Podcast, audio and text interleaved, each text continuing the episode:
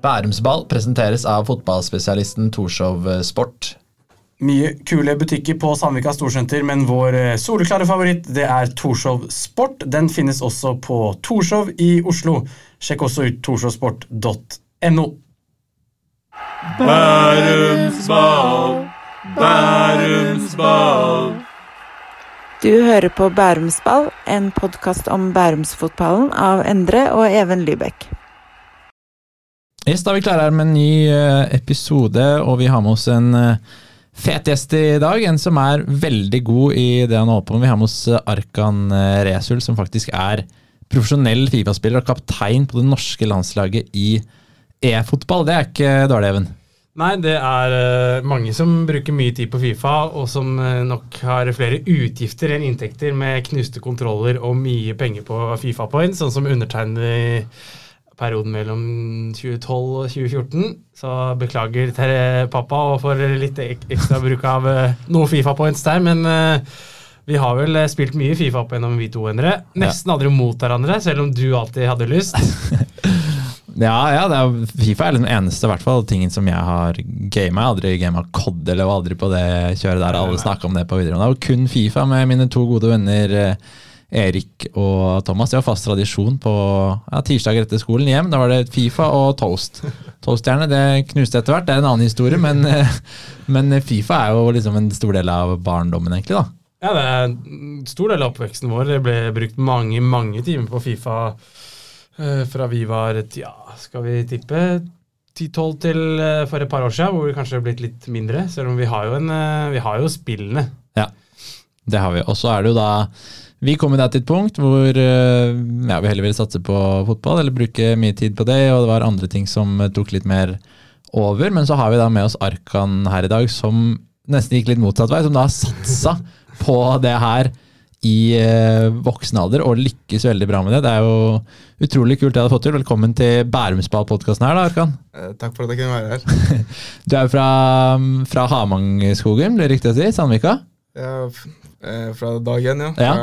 foreldrene mine, men eh, nå har jeg flytta ut med kona mi. Så jeg er gift eh, for et år siden. Ja. På Nesøya. Ja. Bærumsball, gratulerer. Ja, gratulerer. Ja, for Foreldrene dine er fra Kurdistan? Ja, stemmer. Kurdistan.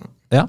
Um, du, du, har spilt fotball selv òg, det skal vi snakke om litt, litt mer om etterpå. Men det er jo Fifa-spiller som du liksom først og fremst er, og det er jo ganske kult. Og for mange kanskje litt rart at det på en måte er det som er din din uh, greie. Hvordan, hvordan på en måte rangert i Norge og verden er du akkurat nå blant de beste Fifa-spillerne? Nei, altså akkurat nå er det litt annerledes fordi jeg er på en måte jeg er profesjonell og Candy Creator. da. Men uh, jeg hvis jeg hadde fortsatt spilt som jeg, jeg alltid gjort, da, så ville jeg alltid si at jeg er topp tre i Norge. Men for meg selv er alltid best. Mm. Content creator, kan du, hva, hva, det, hva innebærer det? Nei, det er, altså, det er, start, eh, det er YouTube og Twitch. da. Eh, stream på Twitch og lage YouTube-videoer. Så det er det på en måte starta fra ja, mot slutten av 2022. Og får se hvordan det går.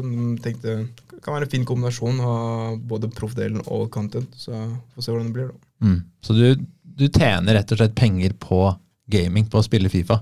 Ja, selv om det høres veldig rart ut, så, så, er det tydeligvis mulig. ja. ja, for det jeg husker da jeg var eh, litt yngre og liksom syntes det var kult med Fifa, så gikk jo mye av tiden min til å se på Fifa-youtubere. altså hva er det de heter? Nepentes og alle de gutta der. Er det, er det sånt du driver med? At du spiller ja. f.eks. Ultimate Team, og så filmer du deg selv, og så klipper du og deler, eller? Ja, så det er sånn eh, når jeg spiller, lager video av det, og sånn pack-opening som du nevnte med Fia Point og sånn. Ja, ja. Bærumsball presenteres av fotballspesialisten Torshov Sport. Mye, mye kule butikker på Sandvika Storsenter, men vår eh, soleklare favoritt det er Torshov Sport. Den finnes også på Torshov i Oslo. Sjekk også ut torshovsport.no grei visning på starten. Jeg starta eh, sommeren, nemlig slutta sommeren 22, eh, så hadde jeg sånn visning på 4000, 5000, 6000, som er ganske bra i Norge. da. Eh, men nå har jeg gått over til internasjonale, så jeg prøver å, ja, å bli stor i den engelske delen. Så får se hvordan det blir. Men det har vært et greit tall, så tjener noe smått her. Da funker det sånn at du, du representerer et altså Nå representerer du Off Pitch Norge, og så er det Vålerenga du spiller for? Ja, så det er eh, organisasjonen vår, eh, mm. Offpitch Norge. Så er det klubben som vi samarbeider med noen nettopp. Vi hadde samarbeidet med eh, Vålerenga. Så det er der den starta også. Eh, første gang jeg ble proff, så spiller jeg for Vålerenga. Ja, hvordan, eh, hvordan var det alt det her starta for deg? Fordi det begynner, Jeg vil vel tro at det begynte litt sånn som for alle andre, at du begynner på, begynner på gutterommet, men steget derfra til å plutselig sitte der og spille Fifa i Vålerenga-drakt eh, og ja, være profesjonell og tjene penger på det, er jo et lite steg, da. Ja, altså Måten jeg ble proff på, er veldig interessant, egentlig. Så, jeg, altså, jeg har alltid spilt eh, Fifa siden jeg var liten kid. Jeg har to eldre brødre som alltid konkurrerte mot. Jeg prøvde alltid å være best av de to, selv om de var bedre enn meg. Eh, men eh, etter årene så har jeg også spilt fotball siden jeg var liten kid, i Bærum stort sett. Men jeg fikk jo kneskade da jeg var 20-21 år, eller sånt, som gjorde sånn at jeg kunne ikke spille fotball lenger. Eh, eller var ute i to år, så var jeg Fifa. Da blir det mer gaming. Eh, og den tiden var det 2007, nei, slutten av 2018, så hadde jeg ganske bra rangering i verden. Så det var sånn topp 40 den ene uken, topp 50 i verden og hva det måtte være. Eh, og, så til, og så skulle det være um, første NM-turnering i Norge, som hadde aldri vært arrangert før, eh, på Ullevål stadion. Eller Panomara. Da er det tidspunktet her er du 22 år cirka, vel? For Ja. du er født i 1996, bare sånn at vi har med det. Ja. Ja, stemmer. Eh, så da, da ville jeg ikke spille, egentlig, for jeg hadde egentlig slutta å spille eh, Fifa, men en god kompis av meg eh, ville melde meg på på den turneringen. Og da jeg sa flere ganger nei, jeg orker ikke lenger, for det går i en par kontroller, da, så det er ikke akkurat det bildet der. Så, men eh, igjen så sa jeg greit, jeg skal melde meg på NM. Kom, jeg kvalifiserte meg, kom meg til Ullevål. Eh, og da endte jeg, eller tapte jeg i kvartfinalen. Men eh, siden eh, landslagssjefen vår den tiden, Mats uh, Terje Bredtvik, uh, hadde sett mine eh, stats, eller rangeringer, det jeg hadde gjort med Fifaen, så liksom, med en gang jeg tapte, så kom han og hviska i øret mitt du er med på landslaget. For det var uttak til første gangen av landslaget i Norge. da. Så han kom og sa du skal bli tatt ut. Så jeg tenkte oh shit, det er, det, det det er sykt. altså. Jeg har aldri forventa jeg skulle spille proff Fifa, i hvert fall ikke det norske landslaget. Kaptein også i tillegg, så det stor ære i hvert fall. Mm. Jeg husker jo øh, Jeg har jo intervjuet deg før da jeg jobbet i Dagbladet. at det var, det var vel en kveld der også som var litt spesiell, husker jeg du fortalte om, hvor du, hvor du hadde sett Juventus, som er favorittlaget ditt, tape Ja. 2-1 mot eh, Manchester United. Litt dårlig humør, og så fikk du en telefon da også. Ja, det stemmer, fordi det, det gikk nesten to måneder før jeg fikk svar, og jeg trodde det var liksom det var, Jeg trodde han bare sa noe der og da, du er med på landslaget, men så skulle ikke skje, da. Men eh, ja, Juventus tapte dessverre mot United den dagen, men så fikk jeg telefon fra eh, landslagstreneren min, eller var til landslagstreneren min, Marius Hjelpseth, som er en stor legende i den YouTube- og Fifa-delen. da. Eh, der kontaktet meg, eller ringte meg og sa at eh, du er tatt ut til eh, landslaget, og vi skal spille første kamp mot Frankrike i Paris. Altså, når du hører den nyheten der, det er sånn Jeg sa bare to sekunder, jeg muta, jeg skrek eller hva det var. Altså, jeg holdt på å få en tøffel i bakhodet av faren min, men eh, det var helt insane, og selvfølgelig måtte jeg si ja til det. Ja. Eh, Det er så Du hadde meg når du sa Paris, så kjøre på med det. Men før, altså, før vi går videre på det landslagssteget, hvordan på en måte gikk du fra Du, du nevnte litt fra oss å spille på gutterommet til å bli proff, men det å bli signert, komme ned på landslaget før du hadde en klubb, eller spilte du på et lag før du spilte den turneringen på Ullevål? Jeg starta med landslaget først, for det var ikke noen klubber ennå.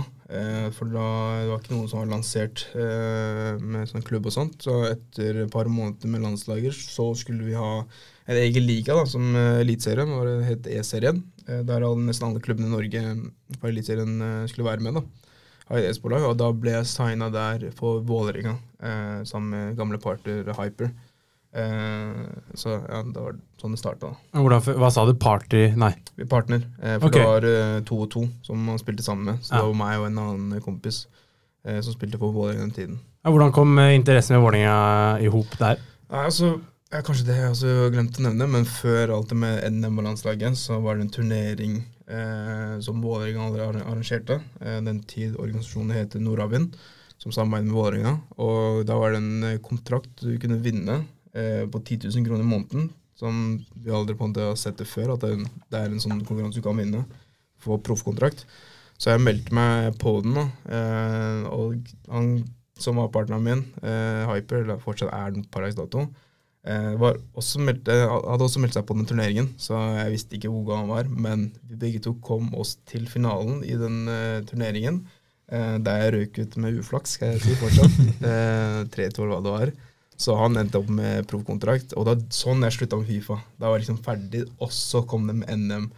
kom, ja, NM skulle arrangeres, og kompisen sa du måtte melde deg på. Så det var sånn det starta hele greia. da. Men han endte med 10 000 i måneden han, for å spille Fifa, så jeg er ganske sykt. Som 17-åring. så... Ja, ikke sant? For det er kanskje mange som lurer på det, det der steget fra da å være god med å spille mot uh, spille online, være god i Ultimate Team. Men ikke sant, er det det at du melder deg på denne turneringen, og så får du på en måte en rangering online som gjør at folk legger litt eh, merke til deg? Var det noe mer du gjorde for å, for å bli lagt merke til?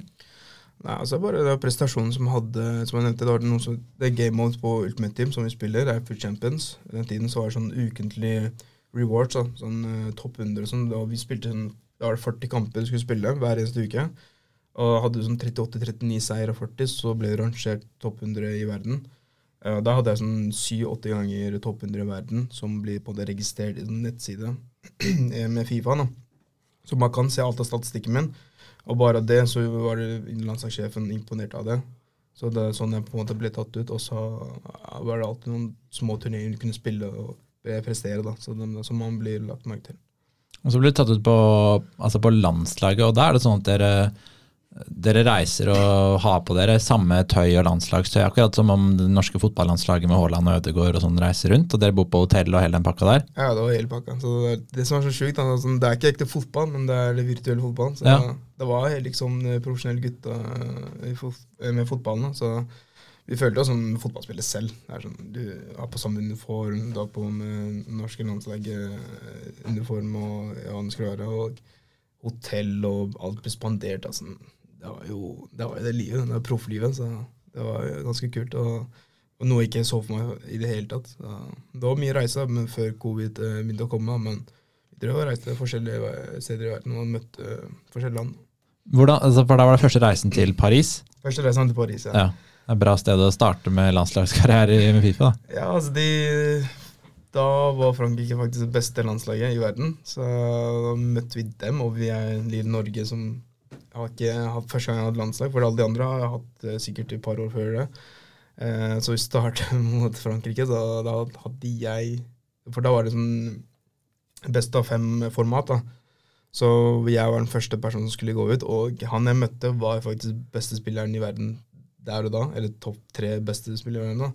Så kommer jeg, som er helt ut av blå, og blir proff og sånn. Så jeg hadde faktisk grei kamp. Jeg tapte med et mål, men det var liksom ganske stort. Men etter igjen så klarte vi faktisk å vinne best av fem eh, mot eh, Frankrike, som var helt insane. Det er verdens beste landslag. Så kommer Norge og slår dem, så det var eh, ganske historisk. Hvordan funker det når du er i Paris? Sitter dere spillere på en storskjerm? Er det PlayStation eller Xbox? eh? Altså Det er sånn to bord, sånn, begge to har skjerm hver, og så er det sikkert en stor skjerm for eh, publikum kan se, for det er jo masse publikum og sånt. Og jeg husker jeg selv da når jeg startet. For det En ting er å spille ba hjemme kontoret sitt og sånn, og ingen er der, og en annen ting er å være på et event der folk følger med, og publikum og sånn, og de franskmennene var, sånn, de var helt syke, de skrek og sånn. Beina mine skjalv. Jeg visste ikke hvordan jeg spilte Fifa engang, jeg var så nervøs. Det var dritskummelt, jeg har aldri opplevd det her før. Men eh, nei, det var ganske, ganske, kul opplevelse. At de klarte å vinne mot dem, det var helt insane. Det var sånn, Vi var underdog som bare det. Ingen hadde forventa de skulle vinne kampen. Men eh, ja, så det er i hvert fall to skjerm, så ja, begge to har en egen skjerm som spiller mot hverandre. Så man kunne se hverandre, liksom. Ja, For da satt dere og spilte, og så er det publikum. Hvor mange var det som var der og så på da, liksom? Jeg tror der så var det minst 100-150 personer som så på. Og jeg tror ingen av de heide på oss. Men eh, vi fikk masse eh, respekt etter kampen, og folk var helt sjokkert. Ja. At vi kom sånn fire, da fire spillere som ble tatt ut. Fire stykker som ingen hadde hørt om i det hele tatt. Plutselig vinner mot Frankrike. Så det var ganske crazy. Da satt dere i norske landslagsdrakter og spilte? Ja, landslagsdrakten. Ja. Så det er ganske rått. Hadde du noe, Var det ti arkan eller eh, på drakta? Hadde jeg, jeg tror alltid jeg, er jeg skikkelig Ronaldo-fan, så jeg tror jeg hadde nummer syv. hvis jeg ikke tar feil. Ellers så kanskje ikke hadde noe drakt, men bare navnet. Eh, men hvis det skulle vært nummer, så var det syv. Men jeg husker jo, eh, for du likte vel kanskje best karrieremodus, så jeg var jo litt mer Ja. på Ultimate Team og online, og da hvis du har på deg headset, så slenger man jo litt dritt og Eller mange gjør det. Men hvordan funka det med å spille mot hverandre og sitte altså, Da han scora, hysja han på deg, eller var dere kompiser? Var du, hvordan funka liksom den mentale biten? Nei, altså Det kan være trash talk eh, når man møter FaceTime, men altså, all, det er jo kameraer og sånn, alle følger med på den, så du må passe på hva du sier, så du kan ikke liksom gå helt berserk og klikke og skal jeg si. Men det er derfor vi på en måte har eh, trenere da, som på en måte holder rolig og ber deg ta pause i kampen, bare slappe av og puste litt og gir deg noen tips. da. Eh, men det er absolutt noe trash-talking på scenen og kan bli litt krangel og sånt. Ja. Jeg har opplevd det selv, liksom. Altså, du sa jo det der eh, da vi pratet om sist, at når du er på sånne landslagssamlinger, at det er nesten som å være på en sånn treningsleir da, med faste tider med, med media som dere skal bli intervjuet av, og mat og fysisk aktivitet og spilling, ikke minst. da. Mm. Um, hvordan, eh, hvordan er det der foregår, syns du? Ja, det var det, da. Vi hadde plan på alt. liksom noen skulle stå opp, noen hadde frokost, noen skulle eh, trene. Eh, både fysisk og, og gamingen. Så det var liksom helt annerledes. Det er, sånn, okay, det, det er da vi begynte å skjønne at det her er virkelig profesjonelt. da. Mm. Så det var ganske kult. Det er som, som jeg nevnte, du lever som profesjonell fotballspiller, bare at det er Fifa. Du er på jobb, liksom? Jeg er på jobb, ja. Så vi, hadde, var sånn, vi var der to-tre dager før turneringen skulle starte. Så bare for å få opplevelsen å bare være der og ikke på en måte komme til kampdag og så er sånn sliten. Så vi fikk eh, ganske godt øh, Vi var preppa ganske godt før kampene mot f.eks. Frankrike. da. Mm. Det er jo på en måte si krydderet, da. Altså, du drar ikke til Paris hver uke. Hvordan er på en måte hverdagen hjemme i Norge og ja, Sandvika, som du har bodd størsteparten av ditt liv? Hvordan er den hverdagen som eh, Fifa-spiller? da? Hvordan foregår den? Nei, altså, Jeg klarer aldri å spille på morgenen, så jeg står opp, spiser frokost og sikkert jobb eller skole den tiden. Nei, kanskje ikke skole den tiden. Nei, jeg gikk- i- det var bare videregående. da. Men eh, sto opp, kanskje trente litt, så var jeg bedre fysisk shape enn det er nå. Men eh, eh, så har det begynt jeg som prack og sånt med sånn tre-fire. Men Prack, hva betyr det? altså eh, trene, da. Practice? Ah, pra Practice, practice, ja. ja, det er bra. For oss gamere. Så eh, practice og eh, noen timer sånn, det er alltid det jeg sier til folk. For det er, folk er jo forskjellige, så jeg er sånn Jeg liker å spille minst to-tre timer effektivt, så er jeg ferdig. Mm. Men det er noen folk som må spille faktisk ti-elleve timer for å faktisk bli god. Men Mm. jeg, det var det motsatte. Og jeg, jeg var ikke så glad i å spille heller. Bare de to-tre timene var mer enn nok for meg. Og det, det viste seg også til slutt. Men hvordan spiller du da? Altså, spi fordi når du spiller landskamp, spiller du Norge mot Frankrike da? Eh, nei, for da er det Den tiden så er det Men ellers så brukte vi sånn Ultimate Team. Så vi hadde alle spillere tilgjengelig. Den gamle Ronaldo, Ronaldinho og sånt. Altså så vi kunne velge hvilken som helst. Men vi hadde eh, norske landslaget-logoen og drakten òg. Ok, så da du, da, Når man spiller landskamper, så spiller man med Du kan velge hva du vil av alle mulige. Ok, Men når du trener hjemme, da spiller du bare Ultimate Team? Altså med ditt eget lag? Ja, bare Ultimate som eget lag som du bygger selv. da Så da, da eh, practicer vi med teammatene våre. Uh, sånn, eh, det er sånn, sånn vanlig sånn trening du skal øve på corner eller på heading eller frispark. Sånn. Så jeg hadde samme greia. Sånn, en dag så trente vi bare på corner, en dag var det sånn offensiv og defensiv. Sånn. Så det er, det er ganske helt liksom uh, fotballen, egentlig. Ja, det er den der arenaen man er i for å chille litt Ja. før kamp og sånn.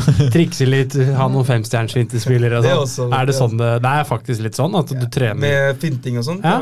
Så er det lurt å være på arenaen. Kult?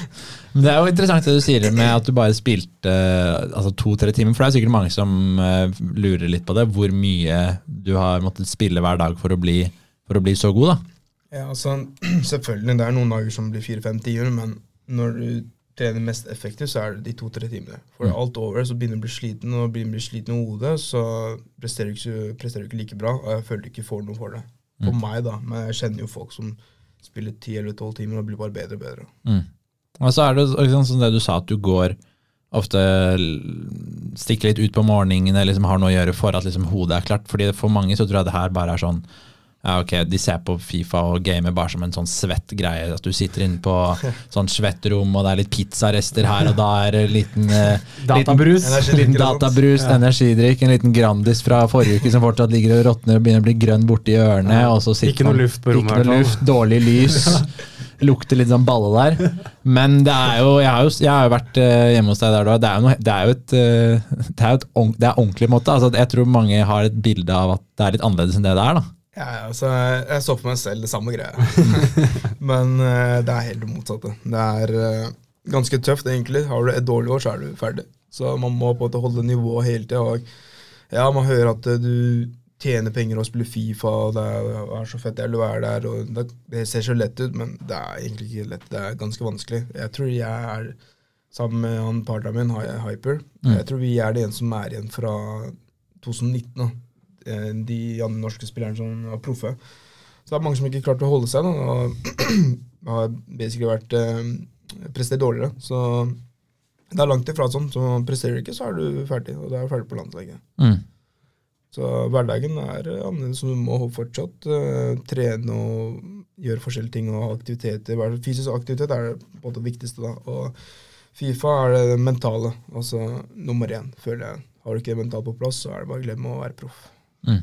Men man spiller vel to og to i E-serien, eller? Hvordan funker det kontra landslag? Men altså, E-serien, kan du, hvis, hva, hva er det, liksom? Er vel, det er vel Eliteserien, på en måte, yeah. den ligaen. Yeah, Altså at du har spilt i Vålerenga, som møter Kongsvinger og Stabæk og yeah, ja. Stemmer. Hvordan funker forskjellen på Ja, for det, formatet har vært sånn Det er to- det er to-to på lag, men du spiller én mot én mot en av de. da. Så blir det en kamp to, så skal partneren min spille mot andre karen. Og så blir det sånn enten sammenlagt score eller sånn poeng. Okay. Ok, Så du spiller aldri med en annen Det på lag? også, okay. for det, det spørs på hva slags format det er, men landslaget nå er stort sett bare blitt to og to. Så det er, det er ikke én mot én lenger. Ok, Det Så da er det du og en annen. Ja. Men det er ikke hva heter pro clubs? Nei, det er Husk, har du spilt det? Nei, du er mye mer inni det her enn meg. Jeg jeg, jeg husker jo at det var sånn du, du bare kom inn i en kamp, og så er det alle har hver sin type. Så plutselig var det en fyr med blå afro, og 2,40 høy, og så en som kunne skyte fra midtbanen. Altså, det, selvfølgelig er ikke sånn, men, men du må jo på en måte ha en kjemi med den du spiller med òg, vel? Riktig. Eh, så det er ikke akkurat pro club, men absolutt gøy å spille. Men eh, man må ha en partner som du kan stole på og eh, er flink sammen med. Det kan være f.eks. Hvis jeg sier at jeg er dritgod, selv om jeg føler jeg er det, men ja, eh, Og så har jeg en partner som ikke er så god, da. Kan være én mot én, men kan være veldig god i 2-2. Så- Og vi fungerer bra sammen, så funker det liksom. Det, er- man må ikke ha en annen som er ekstremt god for at det skal funke. Så kjemi har alt å si i en 2-2-kamp. Mm. Det høres litt ut som tennis, altså sånn, litt sånn som tennis. da. Noen som er veldig gode å spille med en annen. Yeah. Men uh, setter du Nadal og Djokovic sammen, så vinner jo ikke de mot to som er veldig bra. Altså, ja, Som du sier, kjemi og utfylle hverandre er vel enda viktigere enn at du, har, at du spiller med verdens beste, på en måte. Ja, absolutt. Så kjemi er alt det å si. Hva er på en måte dine styrker som Fifa-spiller? Hva er du god på? Eh, føler jeg Norges beste press, uh, offensivt spill, men sliter som bare i forsvar. Men jeg liker score mer enn det jeg slipper inn. Mm. Så det er det jeg vil si mine styrker. Og eh, faktisk holde mye ball. Jeg tror jeg kan samle inn spillestilen med sånn Barca, sånn tikki-taka. Mm. 2013-14 Barca eller noe. Ja. Ja. Ikke Barca under Koman for noen sesonger siden, hvor de var det laget i La Liga som skåra mest på innlegg, med Luke de Jong. Og, nå er det litt tilbake til gamle, gamle røtter med Xavi, men, eh, Ikke akkurat den Barcaen der, nei. men 2019, du sa det, det var første året med, med E-serien i Norge, vel? Ja. Og det gikk ganske bra, for da vant du. Jeg vant jo faktisk. Ja. Eh, Jeg har aldri vunnet noe ellers i livet mitt. Så helt crazy. Da var en potten på 220 000 eller sånt. Så Mm. Førsteplassen fikk jo da 120 000. eh, Delt på teammate og laget, da. Ja, tro meg, jeg dro rett til uh, Marbella eh, en måned etter og koste meg. Hvor mange var på laget da? Eh, Eller hvor mange delte de 120? Altså, det var uh, Klubben tar alltid litt cut, men det var egentlig stort sett meg og partneren, så jeg fikk jo sånn hva da, 40-50 lapper. Mm. Det er greit, liksom. Konge, ja. Fikk man fin ferie for det, liksom. For da, hvordan funka altså, Var det som om det er Eliteserien i fotball, at du begynner i mars og holder på til november, at det er kamper stort sett hver uke, eller hvordan funka det? Eh, første året, så, eller første sesongen, så varte det i to måneder, tror jeg. Okay. To, ja, to måneder. Og sesong to varte en måned. Så det spørs hva slags format du har, da. Eh, sesong én så hadde vi flere gruppe... Eh, nei, flere gruppespill. Eller og flere lag, da. Som var delt i flere grupper, og så var det sånn flere kampdager. Mens sesong to så var det Du hadde bare ett forsøk. Det var en gru, gruppe jeg tror, Et sånn knockout eh. Sluttspill, liksom? Sluttspill, Ja. det var nesten basic sånn at Mm. eh, eh, Gjorde du dårlig den dagen, så var det ute med en gang. Men sesongen hadde flere sjanser. da, på en måte to kampdager. Eh, så det er alltid forskjellige forskjellig format hver eneste år. da. Men akkurat nå, eller i fjor og i år, så har det ikke vært noe E-serien. Mm. Men jeg håper at det kommer tilbake, for jeg vil vinne andre tittelen. Mm. Når, du, når du spiller, da, er det noe Jeg bare tenker sånn, Da vi har spilt Even, så er det sånn skulle, vi skulle spille Fifa da vi var små, så var det sånn ok, vi kan godt spille en drøm, da må vi spille fire minutters omganger fordi du ville ha det kort som mulig fordi du ikke syns det var noe gøy.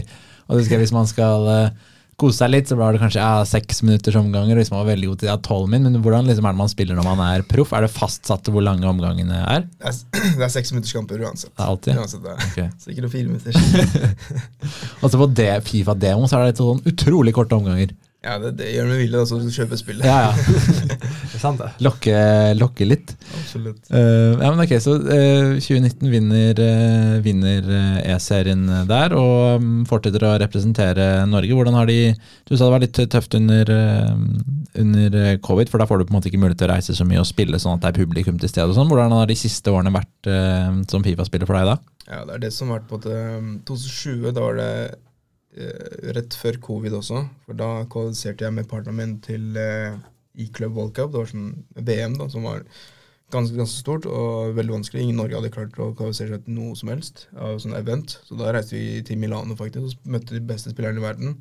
Jeg var helt startstruck. Altså, jeg var eldre enn de fleste, men det var sånn, det er de gutta jeg også så på, på YouTube som før jeg i det hele tatt var proff og sånn. Så men da var det liksom big stage, og det var vanskelig. Jeg, slet som bare det. Eh, vi røyk ut eh, Det var ganske, vanskelig. Vi hadde en uh, death group, egentlig, så vi møtte på det beste i verden. Men vi røyk ut med sånn ett poeng eh, for å gå videre til sluttspillet. Men det var fortsatt ganske imponerende da, eh, for oss. Men etter det så kom jo covid, og eh, det er jo, som jeg nevnte, det er to forskjellige greier å spille hjemme på kontoret eller på et event. da. Så jeg aldri Jeg var bedre spiller Jeg var bedre eventspiller enn hjemme. da, så når vi begynte å spille turnering hjemmefra, så gikk det ikke så veldig bra for meg. Jeg gjorde det fortsatt greit, men ikke som jeg hadde gjort tidligere. da, så, Men uh, nå i år så er det på en måte kommet tilbake til event, og så kanskje det kan bli noe for meg igjen. Da er du, da er du, når du sitter hjemme, sånn, da er du bare avhengig av veldig bra wifi, da. Jeg har slitt ganske med nettet mitt, så det er ganske kjipt. Men vi har jo altså lokaler som vi spiller på. da. Det er eh, med Offpitch eller tidligere med organisasjoner jeg har vært med, Trooper 7 og Nordavind og sånn, så vi har hatt et lokale å spille på. Men, men det er liksom bare oss, da. Så det, det, for det er ikke noe publikum eller de motstanderne vi møter. Så Mm. på en måte, det blir nesten samme greia. Mm. Ja, for du sa triple seven, for du, du har representert litt forskjellige yeah. eh, klubber. Du nevnte Nordavind slash Vålerenga her i stad, og Triple Seven e-sports, er det ikke det heter? Ja. Ja. Eh, Og så har du, du representerte Lillestrøm en gang i noe greier også, sa jeg. det har vært noen del klubber òg. Ja. Er det noen flere klubber du har vært i? Ja, Altså da, først var jeg Nordavind Vålerenga, Ja. så gikk jeg over til Jerv. Signerte for Jerv Mm. i serien. Eh, etter det så signerte jeg for Lillestrøm. Fikk en del hate siden jeg var i Vålerenga. Og nå er jeg tilbake til Vålerenga, fikk enda mer hate. så spilte ja, bytta klubber et par ganger. med Mm. Hvordan, hvordan, er det sånn som i fotballverden ellers? Hvordan funker det når du bytter klubb i den verden? Er det sånn at du får et tilbud om en ny kontrakt og penger og sånn, eller hvordan er det? Ja, helt likt. Det er kontrakt, og du får tilbud eller noen som vil kjøpe deg ut av kontrakten og sånt. Så Mm. det, var en, det var en del, eh, i hvert fall etter uh, første året med Vålerenga, så fikk jeg masse tilbud. Eh, fikk en greie penger også, men Ja. så det, var, det kom tilbud hele tida. Men nå som på måte ESN ikke er så liksom, det er ikke helt det samme, men det kan komme tilbake da, eh, til der det var. Men eh, det var liksom eh, som ekte fotball. Kontrakt og kunne ikke bryte kontrakten. Brøt du kontrakten, så var du ferdig og kastet ut av laget og sånn. Så helt lik. Men Jerv, altså, måtte du være der for å spille, eller? Ja, det var ganske kjipt. Vi måtte Da måtte vi spille på lokalt i de, de klubbene vi representerte. Da. Så jeg måtte reise til Kristiansand hver eneste uke. Så Men- en, to, to ganger i uken. Ok, men betalte de mye, altså hvor- Hvorfor Jerv? Nei, altså Fikk en grei tilbud. Ja. Eh, PA greit, så tenkte hvorfor ikke ny challenge. Så jeg reiser bort dit og spilte og tjente penger. Angre, eller kanskje ikke angrer, men når du har fått det litt på avstand, med tanke på alle reisene og sånn, var det verdt det, eller tenkte du ikke så langt kanskje da du Det var verdt det. Da, ja, fikk jeg alt dekka og sånt, så vet ikke si. Ja, det var noen fem-seks timer reising, men uh, sånn får det gå. Men eh, det har vært en del spørsmål også på, på Instagram, og liksom sikkert mange lurer på da, hvor mye tjener altså sånn, Når du signerer en kontrakt, Ja. hvordan funker det? Får du betalt per kamp, per uke, per måned? Hvor mye? Det, er måned, det er månedlig betaling. Ok. Ja, så det, det spørs hva andre folk har. Men for meg var det fall månedlig betaling som en ekte jobb. Ja. 100 stilling. ok. Ja. Ikke at du må nevne så mye om deg selv, men hva ish ligger det på hvis du er en god Fifa-spiller i Norge? Altså, Det er ikke sånn at du Det spørs også hvem du er, selvfølgelig. Ja. Men eh, det er ikke sånn at du lever Wow, liksom. Du tjener veldig veldig godt, men du tjener greit nok at du ikke trenger å ha en eh, vanlig jobb ved siden av. Ja. Ja, det spørs. Men for meg, siden jeg var på topp, da, blant de beste i verden Eller jeg skulle ønske jeg var i verden, men i Norge så tjente jeg god nok at jeg ikke trengte å jobbe ved siden av. Kan ta med fordi du, Nå jobber du litt siden av med bilutleie også? Ja, ikke akkurat nå, men jeg har jobbet med bilutleier og sånt. Så, Ja. Som, som familiebusiness, da. Ja. Eh, så nå er jeg ute etter nye muligheter, se hva som finnes. Eh, men ellers har jeg jobbet med bilutleier. Eh, vi har, det er egentlig den broren min sitt firma, da, så Mm. er sånn rundt omkring. Men eh, det er på en måte Fifa som jeg vil helst ha litt på, og samtidig med YouTube og Twitch, da, så det er det jeg på en måte prøver å satse på. Mm. Ja, så er det da sånn som du sier, når du gjør det, når du gjør det bra, da, at det kommer tilbud fra andre klubber, og at det kan plutselig bli aktuelt å nesten bli utenlandsproff i, i Fifa også, for da har du fått noen tilbud fra utlandet også, har du ikke det? Ja, en av de var i hvert fall uh, Göteborg, Mm. eh, Sverige. Så IFK Göteborg, liksom? Ja. Ja. Så de ville kjøpe meg og ville at jeg skulle flytte dit. Men det var rett før korona.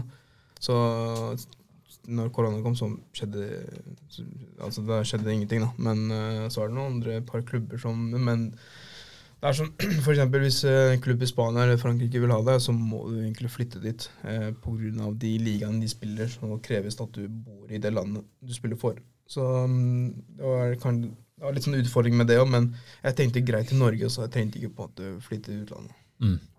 Og så når, når du har alt det her med overganger og kontrakter for å holde deg til, og liksom, altså, det er jo en verden med mye si, litt sånn ukjente ting som kanskje ikke du vil bruke så mye tid på, siden du vil spille, og da har du en eh, du er representert av et eh, ja, det et eh, agentfirma, på en måte, da, Tempo Group, og Martin Ja. Roppestad, som er rådgiveren din, agenten din, han er jo tidligere Nettavisen-journalist, i hvert fall. Vært i Toppfotball, veldig bra podkast, som jeg hadde gleden av å få være gjest i en gang. Er det, hvordan er det liksom å ha en, en som kan hjelpe deg med, med alt det her, da? Nei, Martin, eh, Martin er den beste agenten jeg har hatt. Jeg, slipper å tenke på noe. Han ordner seg alt. og Trenger ikke snakke med noen klubber dit og dat. Jeg bare spiller Fifa, mm, er med på oppdraget sånn, og han fikser kontrakt sånn. Mm. Så that's it. Han har gjort eh, hverdagen min eh, mye, mye lettere. Og det for det jeg føler det er stress at du, hvis du går selv personlig og snakker med visse folk og diskuterer priser og hva det skal måtte være. da. Så Martin har hjulpet meg med det ganske mye og vært med dem i siden dagen, egentlig. Når jeg startet som proff nesten. To-tre år. Mm. Så jeg er veldig, veldig fornøyd med han. Mm. Når, du da, når du da sitter der og, og spiller og skal prestere, er det på en måte En vanlig fotballspiller forbereder seg liksom, ok, nå skal jeg, nå skal jeg spille mot uh, sånn som Even og meg, det er Holmen, nå skal vi spille treningskamp eh, liksom, mot uh, et lag, og da vet vi ok, de har, de har en veldig rask spiss. Da vet vi at ok, da må man kanskje falle av litt tidlig som venstreback som Even er, da, eller meg sentral midtbane, at de har en som eh, som elsker å gå i dueller. Man kanskje prøver å spille litt eh, veggspill rundt han og forbereder seg man liksom psykisk. Hvordan, hvordan er det når du spiller Fifa? Hva er det som går gjennom hodet ditt eh, underveis en kamp og før en kamp og alt det der? Altså, mm, Med landslaget i hvert fall, da, så har jeg nevnt at vi har en landslagstrener der, eh, Tillip, som er treneren vår. Eh, da på en måte tar de sånn eh, Sjekker ut eh, motstanderne våre, da, hva de er flinke på, hva er svakheten deres, eh, på en måte vi, hvor vi kan på en måte eh, spille best på. da, Hvilken side det er sånn de, de kommer med alt sånn Hva heter det Sånn statistikk eller mm. hva slags gameplan de har. da. Så de går og sjekker sånne gamle kamper og ser hvordan de har spilt. Så det er, sånn, det er på en måte helt liksom ekte fotballen. Hva slags taktikker de bruker. Og så jobber vi med oss det. da. For eksempel, han sliter skikkelig på venstresida. så spiller vi mer på venstre, for han er vant til høyre. Eller eh, spiller mer på kantene, eller kanskje spiller mer sentralt, hvor der sliter han. Det er sånn masse sånn taktiske greier inn, inn, inn i løpet av Fifa-kamp. så Eh, og det hjelper skikkelig å ha en trener, eh, for det er vanskelig for å spille på en se alt i, i løpet av kampen. Eh, for da, da er det på en måte for seint til du finner ut at ok, etter 70 min så ser jeg ok, han er sånn, men da er det på en måte kjørt. Eh, men eh, det er, på en måte, er veldig, veldig undervurdert ha en trener med e-sporten. og Det høres kanskje, kanskje, kanskje rart ut at man har en trener når det kommer til Fifa, men uh, det er veldig undervurdert. Hadde ikke hatt en trener vår, så hadde det vært veldig vanskelig å vinne kamper. Så stort sett de kampene vi har vunnet med landslaget, er takket være treneren vår. Mm. Og så er det kanskje, jeg leste jo det er noen som prøver å få deg litt ut av fatning også. Det var noen som hadde prøvd å være litt eh, rasistisk en gang, eh, leste jeg. Ja, altså, det skjer alltid, men eh, det var en gang jeg streama faktisk på- Twitch. Mm. Eh, da jeg spilte pro clubs, faktisk, en turnering jeg meldte meg med kompisene mine, bare for moro skyld. Eh, så kom vi faktisk til finalen fordi kompisene var dritdårlige. så jeg vet ikke, vi kom oss til finalen i hvert fall. Og så hadde de også streamet på egen kanal. da. Det var sånn seks, syv, åtte nordmenn eller sånt. Eh, så var en av de partnerne mine, eh, Hyper, gikk eh, helt random inn i streamen deres. De hadde sånn to-tre visninger og der. Så hørte han noen rasistiske kommentarer. Og, og så gikk han inn til streamen igjen. Bare «Nei, de var rasister, de sa sånne ting og bla, bla, bla. Så sa jeg ok, hva skjer? Vi skulle starte kampen, men så stoppa jeg. Bare ok, ba, Men de de påstod at det var løgn. De kom i chatten min. De bare nei, det var tull, og han lyver, og han bare prøver å se, eh, få til å se dårlig ut. Eh, men så kom det jo folk, andre folk inn som var kompis med dem. Drev og lika ut ting eh, til meg, og hva de hadde sagt. Sånn apekatt og utlending eller svarting eller hva det skulle være. da. Så de sa masse sånne syke ting, da. Men eh, ja, altså, for meg blir aldri påvirka av sånne ting, men det er bare synd at det på en måte fortsatt er noe rasisme i 2023. Da. Så, men det er mange som opplever det, så det spørs på hvordan du reagerer. Så det er viktig å ikke gi dem noe oppmerksomhet. Mm. Det er jo lett eh, når du spiller fyr, i hvert fall når du sitter bak et kamera. Det er jo vi, i hvert fall, Jeg har hatt nok av opplevelser hvor man, hvis man slår noen, så får du jo høre dem mot etterpå eller underveis. Mm. Så jeg kan jo se for meg at det er jo på en måte lett å være et nettroll når du spiller Fifa. da. Ja, det er ganske mye som skjer med det. Jeg ser mange proffe spillere som er fra utlandet, som har eh, annerledes bakgrunn. Jeg De får masse rasisme mot seg. Men eh, noen takler det greit, noen takler det ikke greit. Så det, sånn, det spørs på hva slags mentalitet en person har. Da. Om det går inn på dem så mye at de ikke klarer å få til noe. Så det er det, det, som er på en måte kjipt. da. Mm. Hvordan er liksom eh, Altså det blir jo et eh, Det er jo et liv som du er, kan se for meg Du hadde ikke planlagt å få et sånt eh, liv akkurat. Hva sier liksom familie og de rundt om eh, at du har valgt å gå den retningen her, som er litt utradisjonell, for å si det mildt? da? Til den dagen i dag så er moren min fortsatt imot det. Ok. Men uansett, altså, hun sa sånn Tjene millioner på det, jeg bryr meg ikke. Jeg liker ikke at du gjør det. Men jeg, jeg ser den, altså. Hvem skulle tro at jeg kan drive med sånn Fifa som eh, leve, levebrødet mitt, liksom. Det er Tjene penger på det. Og første jeg tenker på, er at du får vondt i øynene, du får vondt i hodet, dit og datt, og standard som foreldre sier, da. Mm. Men uh, Firkantøyne. Sett for mye på TV. Øynene dine er blitt som firkanter. Altså Kanskje grunnen til at jeg ikke har spilt så mye eller mange timer på, foran PC-en, eller PlayStation, av at de har sagt så mye ting. Men, uh, men faren min også var sånn imot på starten, men så begynte han å se meg på TV nå. Jeg spilte og var på intervjuer og han bare, sånn, ok, Og så begynte han å skryte av meg og dele ut ting på Facebook av meg og sånn til familie. sånn. Men uh, mutter'n fortsatt holder eh, det hun sier, men blander seg ikke så mye lenger. da. Men uh, sånn er det. Det er ikke alle som aksepterer eller ikke li liker det de gjør, men man får bare godta det, egentlig. Mm. For de fleste andre si, folk fra, Vi er jo even, vi er født i 95 og 97, og Arkan er mellom oss 96. Det er jo, de fleste begynner jo på NHH eller, eh, eller NTNU etter eh, videregående og jobber med noe økonomigreier nå. Men eh, det er jo ikke så mange som følger hva skal jeg si, lidenskapen og drømmen sin, og det har du virkelig gjort. Ja, absolutt. Jeg angrer, angrer, angrer ikke på det i det hele tatt, det valget jeg tok. Så, har jeg hatt det grei, greit jobb ved siden av, sånn, så jeg har på en måte aldri slitt med den økonomiske delen. Og uh, følg drømmen, og eh, drømmen er fortsatt ikke over. Så det er fortsatt masse muligheter ute i verden. I hvert fall internasjonale delen, som jeg prøver å åpne. Så det er fortsatt ikke ferdig. Jeg skal fortsatt få det til at det blir leverommet mitt, og tjene ganske bra på det. Ja, for det er jo eh, viktig å påpeke, sånn som vi har gjort det, at Arkan er veldig god. Altså, det er sikkert mange som har sittet på i gutterommet hjemme og tenkt jeg skal bli proff, og nei, jeg gidder ikke å utdanne meg, men som ikke er i nærheten av å bli proff. da. Mm. Så som du sier, at, at han lever, av, lever av, det, av lidenskapen, så er det jo også fordi du er veldig god. yeah. Selvfølgelig. Men eh, det er nok mange som har tenkt, tenkt på det. Som taper 10-15-0 i Fifa-kamper, kanskje blir litt bedre, men ikke på nærheten så god som du er, da. Ja, altså, eh, da jeg først startet som pro, så var jeg ikke ekstremt god. Eller før det, da. Det sånn, I hvert fall de, de 40 kampene som jeg nevnte. Eh, jeg var ikke nær til topp 100 på starten. Det er bare med grinding, så altså Du practicer hele tida. Og, og det viktigste er å følge med på de proffe eh, på YouTube og Twitch. Eh, hvordan de spiller, for å lære veldig mye av det. Så det er ikke bare spillingen, men også se hvordan andre folk spiller, eller hvordan du taper mot Eller de, de kampene du taper, bare analysere kampen. Hvorfor tapte du, hva du gjorde feil? Det er ganske mye ting du kan gjøre for å bli bedre eh, Fifa-spiller. Mm. Ja, for vi har jo vi har jo prata litt uh, sammen om, uh, om det her før, med tips uh, til de som vil bli, vil bli gode i Fifa. Du var litt, litt inne på det her. Men hvis, hvis det var noe du skulle sagt til deg selv da du begynte som du vet nå, som du ikke visste da du begynte å spille ordentlig, hva ville du sagt da? Ikke klikke. Nei, det er som jeg sa, det mentale jeg, altså, man, kan, man, man kan virkelig få en aggresjonsproblem når du spiller Fifa. Alle legger merke til det. Mm. Eh, eller har opplevd det. Så som det, det har gått en del kontroller. Men eh, prøv å holde roen og være mer tålmodig. Eh, Jeg skulle ønske jeg fikk vite mer på starten. Så det er litt, føler de to er det viktigste for meg da, som Fifa-spiller. Holde roen, ha mental på plass og være tålmodig. Mm. Så kommer resten.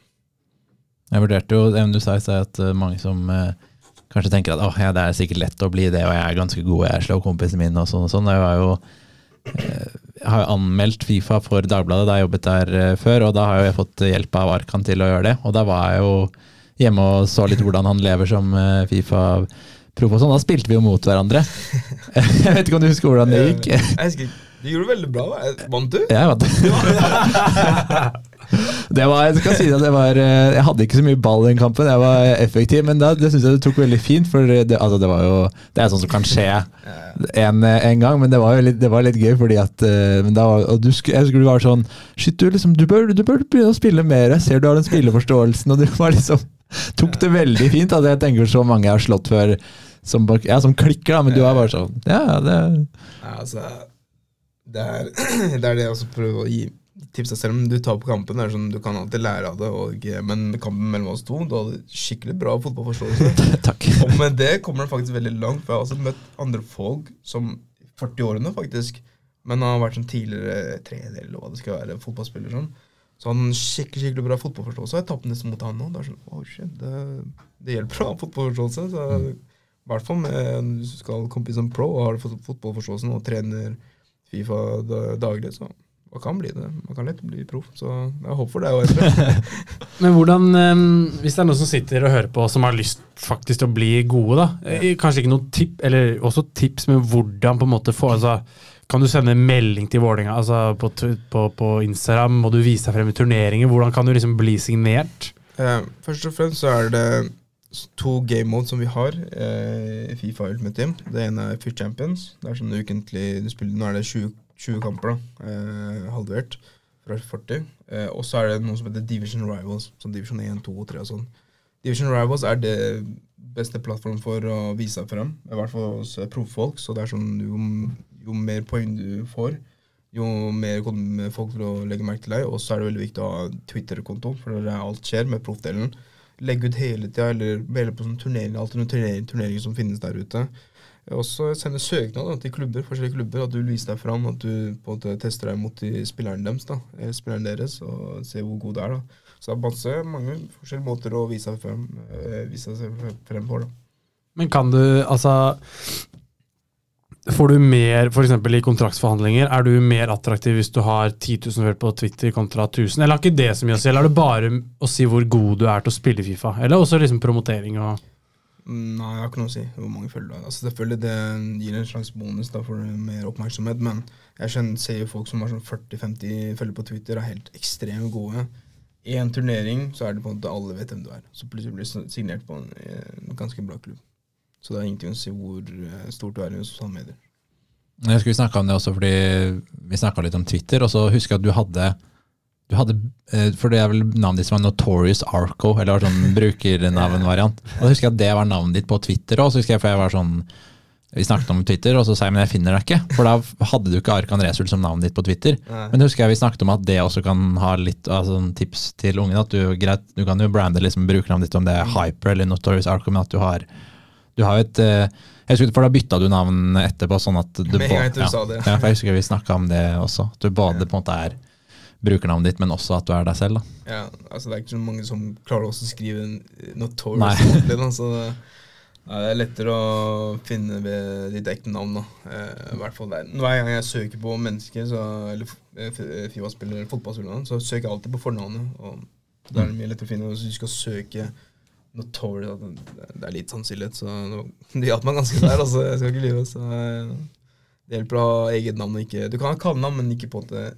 på brukeren din, altså på Instagram eller Twitter. Bare ha ditt eget navn, og så ha et kallenavn in game, in game da, i Fifaen, liksom. Mm. Og så var det jo, ja, Siden vi snakket om sosiale medier, så husker jeg du sa det altså at, at det var noen jenter som drev og skrev til deg på Instagram eh, fordi de hadde sett deg på TV, at du trodde du var fotballspiller, og at du, du var Ja, ja. og at du måtte, måtte avkrefte det litt. Ja, det der var, det var sykt. Altså. Jeg husker jo fortsatt. Det sant. Jeg trodde jeg, jeg spilte for norske landslaget. i fotball, da. Så er det sånn, her, Kan du lære meg å spille fotball? Jeg sier Kanskje med kontroll, men jeg kan ikke med fotball. altså. Vil du komme hjem og, komme hjem og teste konsollen min? Ja, blant annet så jeg måtte si jeg, jeg, jeg er ikke profesjonell fotballspiller, men profesjonell Fifa-spiller eller fotball. da. Ja. Så er skjønner, sånn, ja, ok, greit. Da var samtalen over. Ha det. Ha det. Ja, så, nei, det, det var morsomt. da. Litt golddigger som slida inn i DM-en der. Ja, så fikk jo kona, eller nå var det dama mi den tiden, så fikk vite om det og bare Ok, det er såpass. ja, da, så det er noe, sikkert noen DMs der og da. Men eh, Notorious, er det Conor McGregor eh, Var det det som Conor McGregor-fan. ja, Det var det som lå bak navnet òg? Ja, og så bare attituden min. da Jeg hadde i sesong én, da, E-serien, jeg trashtalka mye og sånn. På en fin gentleman-måte, så jeg ble så stiktet. Men det også hjalp meg med å vinne tittelen. At jeg gikk inn på hodet til motstanderne. Og de hadde ikke sjans da. Nei. McGregor uh, Chandler da? Åh, jeg gleder meg. Hvem har du? Conor McGregor all the way. Nei, jeg jeg er ikke inne i McGregor Channel. De skal mot hverandre. De skal vel være trenere i The Ultimate Fighter Ja. før eh, de skal gå mot hverandre. Det er vel første kampen til McGregor siden uh, på to ja, I hvert fall uh, mange år. Ja. Når er den, da? Etter sommeren en gang, tror jeg. Ja, Ok. Så det blir moro. Ja. Men eh, kan, det kan være akkurat nå per dato er han helt annerledes enn det han var. da. Ja. Da han begynte å bli ganske stor, så hadde han en ganske stor inspirasjon av måten han klarte å komme seg oppover etter han ble double champion. Etter det med Mayweather og slåssmann, så han hadde all verdens penger, så han brydde seg ikke lenger. Nei. Men den måten han kom seg opp, det var på en måte det det var på en måte min inspirasjon. da. Så det er på en måte Jeg prøvde å følge det, det steget han gjorde, så fikk vi vant i hvert fall tittelen. Det viktigste. Ja, Da har vi trukket en vinner av forrige ukes eh, quiz, der eh, premien var en valgfri fotballdrakt på Torshov Sport, som er eh, sponsor her. og Spørsmålet det var hvilket nummer hadde Bernt Hulsker i Stabæk, og riktig svar der, det var EM. 8. 18, altså. Så gratulerer til Magnus Haug Ruud, som vant, uh, vant der. Det er bra premie med valgfri fotballdrakt på Torshov. Ja, Magnus Ruud, eh, veldig stor Stabæk-fan, og én av bare 300 som blir fulgt av Stabæk på Instagram. Og det er jo en, en fjær i hatten for Magnus. Oi, en fun fact. Ja. Så nei, det var bra. Eh, og så, siden Arkan eh, Resula er gjest eh, denne uka, så blir jo da spørsmålet om han denne uken, som er ukens quiz, eh, premie på 500 kroner, gavekort på Torshov. Ai, ai, ai. Ja, det er eh, sterkt, den. Hvilken, eh, altså Nevn en klubb som Arkan har spilt for, enten fotball ute eller et eh, e-sportlag. Så sender du svaret til eh, oss på Instagram eller på Twitter inbox eller til baerumsball. Altså et lag som Arkan Resul, ukens gjest, har spilt for enten e-sport eller fotball. Lykke til! Det ble litt vel globalt her. Nå vi tilbake til lokale Bærums eh, Bærums eh. Nei, men dette siden det er podkast om Bærums, eh, Bærums eh, eh, fotball. Du har jo spilt, eh, du har spilt fotball eh, selv. Eh, du nevnte det i stad, spilt i Bærum og spilte med meg i Lommedalen litt eh, også. Ja. Eh, hvordan var på en måte din egen fotballkarriere, hvis du skal beskrive den selv? Eh, Jeg følte jeg var ganske altså Alle er store talenter når jeg er kid, så, men eh, jeg var ganske god da jeg var kid. Og så begynte jeg å få astma og sånt. Men jeg har aldri på en måte hatt en eh, person bak meg som følger meg på alle treninger og alt det, skal si, hva du, hvordan du skal trene eller hva du skal spise. Jeg har aldri hatt en personen. Altså, det hjelper alltid å ha en eh, forbilde eller en som støtter dem med å ta riktige valg og sånt. Så jeg har aldri hatt en person, egentlig. Så jeg har på en måte vært for meg selv. Men jeg var ganske grei, vil jeg si, god i min unge alder. Men jeg slet ganske mye med skader. Eh, Skader som jeg har funnet ut nå, hva som var problemet, hvorfor jeg fikk så mange kneskader eller lår og sånt. Så masse eh, på en måte som følger ødela for meg, da. For jeg spilte jo stort sett eh, hele livet i Bærum. Så gikk jeg ett år til Hauger. Og så kom jeg til Bærum igjen, og så var det A-laget og sånt. For jeg var ferdig med junior. Så spilte jeg faktisk for Drammen. Jeg tror det heter Åskollen nå. Mm. Da var det i tredje divisjon. Og da var det stor, da spilte vi på Marienlyst, eh, Godset. Mm. Og da følte jeg som en ekte proffspiller, nei, Fifa-spiller, så jeg er fotballspiller. Så jeg prøvde egentlig å satse, da. Men uh, slet helt med kneet og formen. og jeg, jeg, noe, jeg hadde ganske dårlig eh, ganske dårlig form og, og dårlig kondis. Så det er sånn, hver gang jeg ble skadet, måtte jeg starte på nytt igjen. Men uh, det gikk sånn det gikk, da. Men ble Fifa-spill istedenfor. Hva var det med kneet ditt, da, siden du sa du fant ut i nyere tid? Plattfot. At jeg ikke fikk gjort noe med det, eller hadde noen såler som, som på en måte kunne hjelpe til. Så jeg fikk eh, alle de, alle de årene som har gått, så har det på en måte gått inn mot eh, kneskålene. Og det er begge to, så fikk jeg så smalt det. Og det skjedde faktisk i Lommedalen. Da spilte jeg første A-lagskamp, og så måtte jeg hjelpe B-laget. da. Mm. Dagen etter var jeg sliten. Jeg følte det var et eller annet med knærne, men tenkte jeg ja, det går over. Plutselig så stoppa opp, jeg falt liksom, jeg kunne ikke komme opp igjen. Og så sa um, fysioterapeuten at du er ute i, i to år. Du kan spille, men du må trene. Og Så er det sånn, ja, ok, da, da er det på en måte tungt å komme seg tilbake igjen. Så kom vi den Fifa-sjansen da, rett etter jeg ble skada. Mm. Og du spilte på Bærum G96-laget. Ja, G96, ja. Det var jo Ja, hvem er det? Dauda Bortu spilte med. Han er proff i Kambodsja nå, og en sak om han Ja, i jeg det. for ikke så lenge siden. Ganske kult, altså. Ja, og så var det vel Jeg bare stalka litt på fotball.no, det liker vi å gjøre, Even. Uh, Ferdinand Bohin spilte der, broren til Emil, vel? Sønnen til Lars. Ja, han er jo kommet seg til Sera, er ikke? Ja, Emil i hvert fall. Ferdinand uh, tror jeg ikke er i Sera. Nei, ikke han, broren. Ja. Jeg dere følte med han. Og så er det jo også Christian Meinick, så det er jo kompis av Eivind. Han er broren til han um, Henrik Meinick, vel, som er i den Rock Boys, den rappegruppa. Så har du om eh, Det er noen det, russe- men- det er noen russesanger. Ja, men Christian Meinick, Ja. eh, han er fin fyr. Ja, absolutt. Jeg husker gutta der. Han var 97 modell, Ja. ikke? Ja. Noen, noen andre dusker fra laget som var veldig bra da, f.eks.? ja, Morten. Morten han, er jo spill, han spiller Bjørsol, som var gjest der. Ja. Ja. han spiller college i USA eller noe sånt. Ja, ferdig der nå. Mm. Uh, så har jeg Tinn også, var faktisk veldig god. Ja, ja. Huang. Tin Huang har sendt inn noen spørsmål som vi straks skal ta. Ja. God og fast lytter. Tin Ja. setter vi pris på. Tin er en av våre. Ja. Uten lytterne er vi ingenting. Jeg er brutter'n. Hva med i Drammen eller Åskollen, da? Var det noen eh, Fordi vi møtte jo, Åsk møtte jo Åskollen i NM i fjor, men jeg sjekka litt ut på laget du spilte på da. Jeg tror nesten ikke det er noen som er igjen, fordi nå rykka de opp til tredje divisjon. Nå er de bra. Og de har gjort, ja. ja for men- vi, vi rykka ned til fjerde. Okay. men det som var på lag? Var det noen som hadde spilt i Godset, eller som er bra nå, unge talenter? Ja, altså, det var helt nytt lag. Ja. Alle er sånn Det var ingen som kjente hverandre. Så okay. jeg tror det kanskje også Vi hadde veldig gode individuelle spillere, men ingen, vi hadde null kjemi i laget. Jeg Mm. men jeg spilte bare der ett år, og så kom jeg tilbake til eh, Lommedalen. Mm. For jeg var egentlig Lommedalen, og så dro jeg til Drammen, som er Åskollen nå, og så tilbake til Lommedalen. Og Mm. så smalt det. Ja, For Even spurte meg liksom, da vi skulle ha Vi snakket om å ha deg som gjest her, så spurte Even ja, hvordan, hvordan spillet var Arkan. da. Så jeg husker jo da vi spilte sammen, du har jo god, altså kanskje ikke så god uh, i hodedueller, men bortsett fra det, føler jeg du var litt god på alt. Altså Det var ikke noe sånn at du var sånn ekstremt rask, ekstremt eh, god til å drible, ekstrem pasning, men liksom ganske allrounder. da, altså sånn Ganske bra på, på det meste. Ikke skudd. Ræva skudd. Skudd og, skudd og hodespill litt å gå på der, da, men ellers, uh, ellers Ja, ganske bra. Ja, så jeg likte Nei, det ja. jeg hadde, Farten mistet jeg etter hvert, men i Bærum så var jeg veldig rask. Ja. Men eh, jeg begynte å gå litt opp i vekt også, så Mm. farten var ikke det. Men ja, liksom grei sånn eh, Sånn jeg Hva heter det? Balanse? Sånn agility. Mm. Eh, det var litt sånn kvikk, da, Ja. eh, med ballen, så ja, ja, du kan si sånn litt allrounder, egentlig. Mm. Ja. Hvordan føler du liksom at eh, engasjementet for fotballen her i, i Bærum er, da?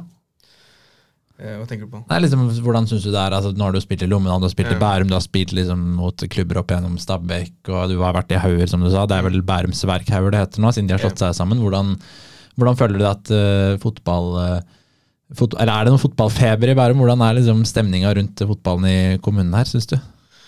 Altså, jeg har ikke fulgt med, med på noe i siste, egentlig, så litt vanskelig for meg å svare. Mm. Men, men eh, en ting jeg i hvert fall angrer på, at jeg stakk fra Bærum til okay. Hauger. Fordi Fordi det, det, det hadde noen, eh, noen situasjon eller problem. Sånn, fordi Bærumstak Haug var jo tredjedivisjon den tiden. mm, Eh, Det var juniorfotball. da. mm, Så jeg skulle ønske jeg på en måte avslutta sterkt eh, i Bærum, og så kom jeg til A-laget. For jeg, spilte bare på junior 2. da. Kom aldri på junior 1, altså. Men, Mm. det men ja. Det eneste jeg angrer på ellers, det var Wagner. Jeg angrer ikke på det. Men eh, i Romedal så var det faktisk veldig gøy. Jeg var der et par, par år før jeg, jeg, jeg fikk skade og sånt. mm. Spørsmål, litt, ta litt spørsmål. Ja. Avslutte med litt spørsmål før jeg ser her Mjøndalen 2, eh, Drammen eh, 6-0. Eh, Ganske bra lag man møtte da, da med Amal Pellegrino. Husker du den kampen? Ja, ja, ja, sant. Vi møtte jo Amal Pellegrino. Pellegrino skåra to. Eh, Sing, altså han Greva spilte, Michael Stilson, Magnus Sylling Olsen, Markus Pris Jørgensen. Drammen FK, skal vi se kjapt der. Arkan Resul nummer to bytta ut. Uh, Torleif Molvær er vel fortsatt i Oskon. Ja, det er ikke så veldig interessant. Men jeg ser i hvert fall at uh, par av de jeg Kevin van de Poel spilte jo med, jeg med, Marius Svendsen. Men uh, Eh, det er ikke noe ja, Jeg skjønner hva du mener med at man eh, gikk rett ned, da.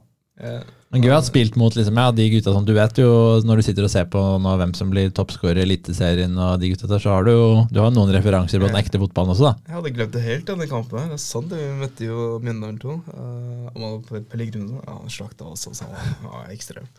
Men eh, ja, det er kult, uh, kult å oppleve det, i hvert fall når du spilte sammen med de gutta der. Føler du det, er- det har hjulpet deg med å bli god i Fifa? At du har spilt fotball på ja, det er, jo- altså, nivå fire i Norge? Det er jo Ja, det er der, der de fleste ender opp, liksom. Ja, nei, altså All fotballforståelse du kan ta med, eh, gjør det bare lettere for meg som Fifa-spiller.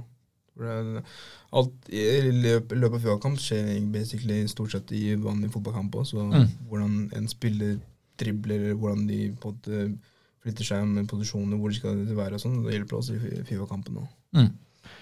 Da kjører vi på med et par spørsmål før Ja. vi mm, runder av. Kasper Seif spør han om hvordan det var på Dunshi.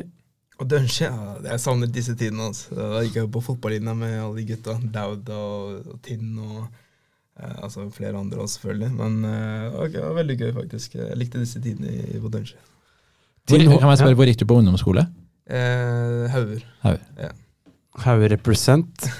Eh, Tin Huang, hvordan er lønningene som proff e-sportutøver? Det er et par andre som også har spurt om. Du var litt innom det i stad, men eh, er det på en måte hemmelig, siden du ikke ville si noen summer da jeg prøvde å lure noe ut av deg i stad? Jeg så det på deg, du var litt sånn ja, Hva skal jeg si nå, egentlig? Siden du sa liksom hvor mye dere tjente etter en at dere vant. Altså, er det liksom hvis du er god i Norge, tjener du 10 000 i måneden, tjener du 100 000. Er det cirka hvor ligger landskapet? Altså, jeg kan ikke si Jeg tror ikke jeg får lov til å si hvilken, hvor mye jeg tjener, men uh, du kan ligge på alt fra 200-300 i året, Ja. 400 i året. Det spørs hvem du er, da. Mm. Så det er jo greie penger da, å tjene inn. Men uh, selvfølgelig, de, de som spiller utlandet, de kan tjene millioner også. Ja. Men det er ingen i Norge som tjener en million Nei. på å spille på. Det er, ikke, det er gode penger, men det er ikke sinnssyke penger. Nei, ikke Nei. på den måten. Den er grei.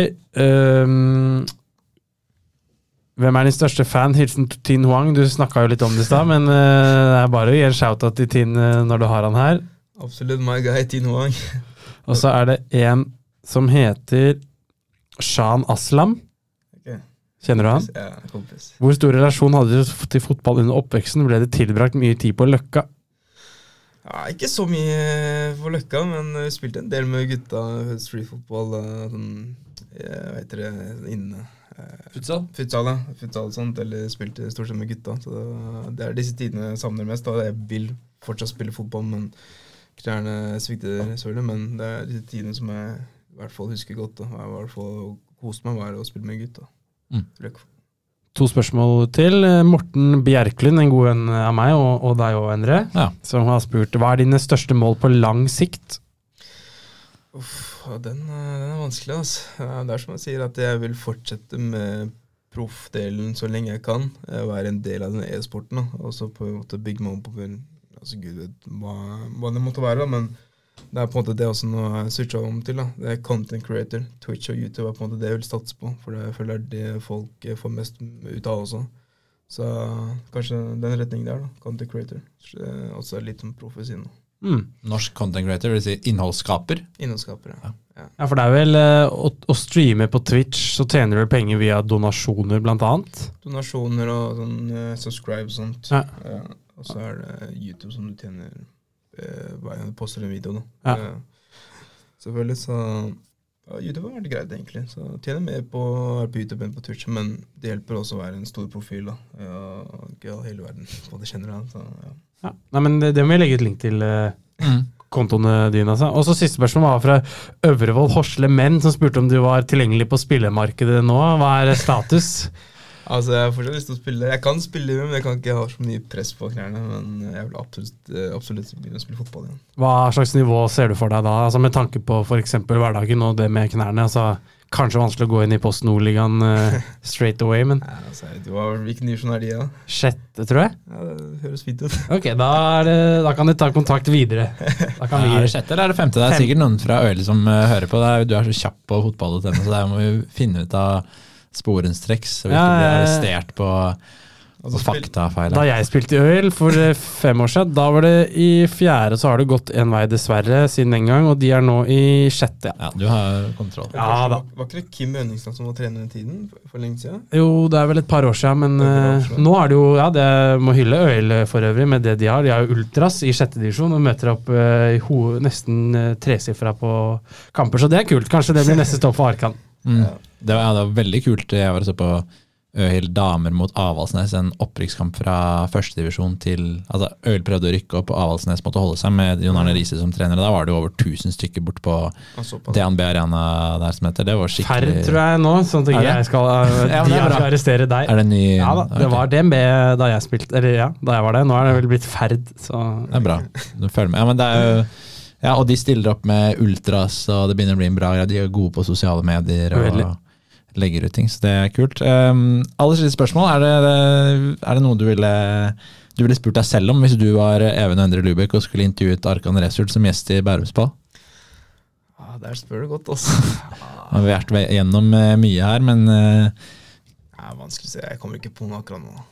noe vi har glemt. Noe du, noe du har sittet og tenkt Kan de spørre meg om Vær så snill, spør meg om det. Når det er på hjertet det var sånn Ok, nå skal jeg i podkast, da, da må jeg huske å si det. Nei, Faktisk ikke. Jeg føler du har kommet med egentlig alt som burde ha blitt sagt. Så jeg tror ikke det er noe mer enn det. Jeg tror alle vet alt om meg nå. Det er bra. Ok, men Hvis vi skal følge deg, du, hvis folk vil følge med deg, du er på Twitter, der kan man søke deg opp. Instagram. Og så hvis man skal søke deg på YouTube og Twitch, hvordan skal man søke deg opp da? Eh, På YouTube så er det Arkan Resøl, for ellers så finner alle folk meg. Men på Twitch har jeg fortsatt Notorious Arco, Mm. på grunn av at jeg er mest kjent Altså det er min nickname i spillet, da. Og det er det på en måte de fra utlandet også kjenner meg med. Notorious Arco, så det, det vil ikke jeg forandre på. Men YouTuben, Arkan Resøl, det er bare å sjekke ut. altså. Klasse. Nei, men da Kan det, eh, siste ting, ja, siste jeg tenkte på, Nei. som jeg glemte å spørre om. Kan det, du, er jo fra, du er fra Bærum, men du har jo spilt der for Vålerenga, Lillestrøm, Jerv. Hvorfor eh, kan det være aktuelt å spille for Stabæk eller Bærum eh, som Fifa-spiller en gang i fremtiden? Man vet aldri, altså. Han er jo under kontraktsjef, da kan han ikke uttale seg. Da må han gå agent. alt er mulig. Ja. Alt er mulig. Får ringe opp Martin her og få en eh, kommentar. Roppestad-sjef. Veldig hyggelig. Da Jeg har i hvert fall lært mye mer. Litt sånn inntrykket man sitter av, av å spille Fifa og være proff i Fifa-spill, er jo ikke akkurat som du som du beskriver, så det har vært veldig spennende. En siste ting jeg lurer på, hvordan er du trener fysisk? Altså Er du på, på sats på en måte å løfte vekter, løper du mye? Hvordan, hvordan funker det? Alt egentlig. Løfte vekter og løpe og sånt, det hjelper jo ganske mot hodet sånn, og mentale. Så nå jeg må begynne å starte igjen, men uh, det hjelper ganske mye. Og jeg føler, Da jeg vant tittelen i 2019, så var jeg i beste form, liksom. Etter så det kom jo covid, så begynte jeg å slite litt med trening. Jeg trente ikke så mye, jeg gikk over litt i vekt, da, så merka jeg at det påvirka meg skikkelig. Men jo bedre fysisk jeg er trent, så er jeg lettere med alt annet. Sånn. Da eh, gir vi oss. Snakkes. Veldig bra. Herlig. Takk, Arkan. Snakkes på den. Takk selv. Hei.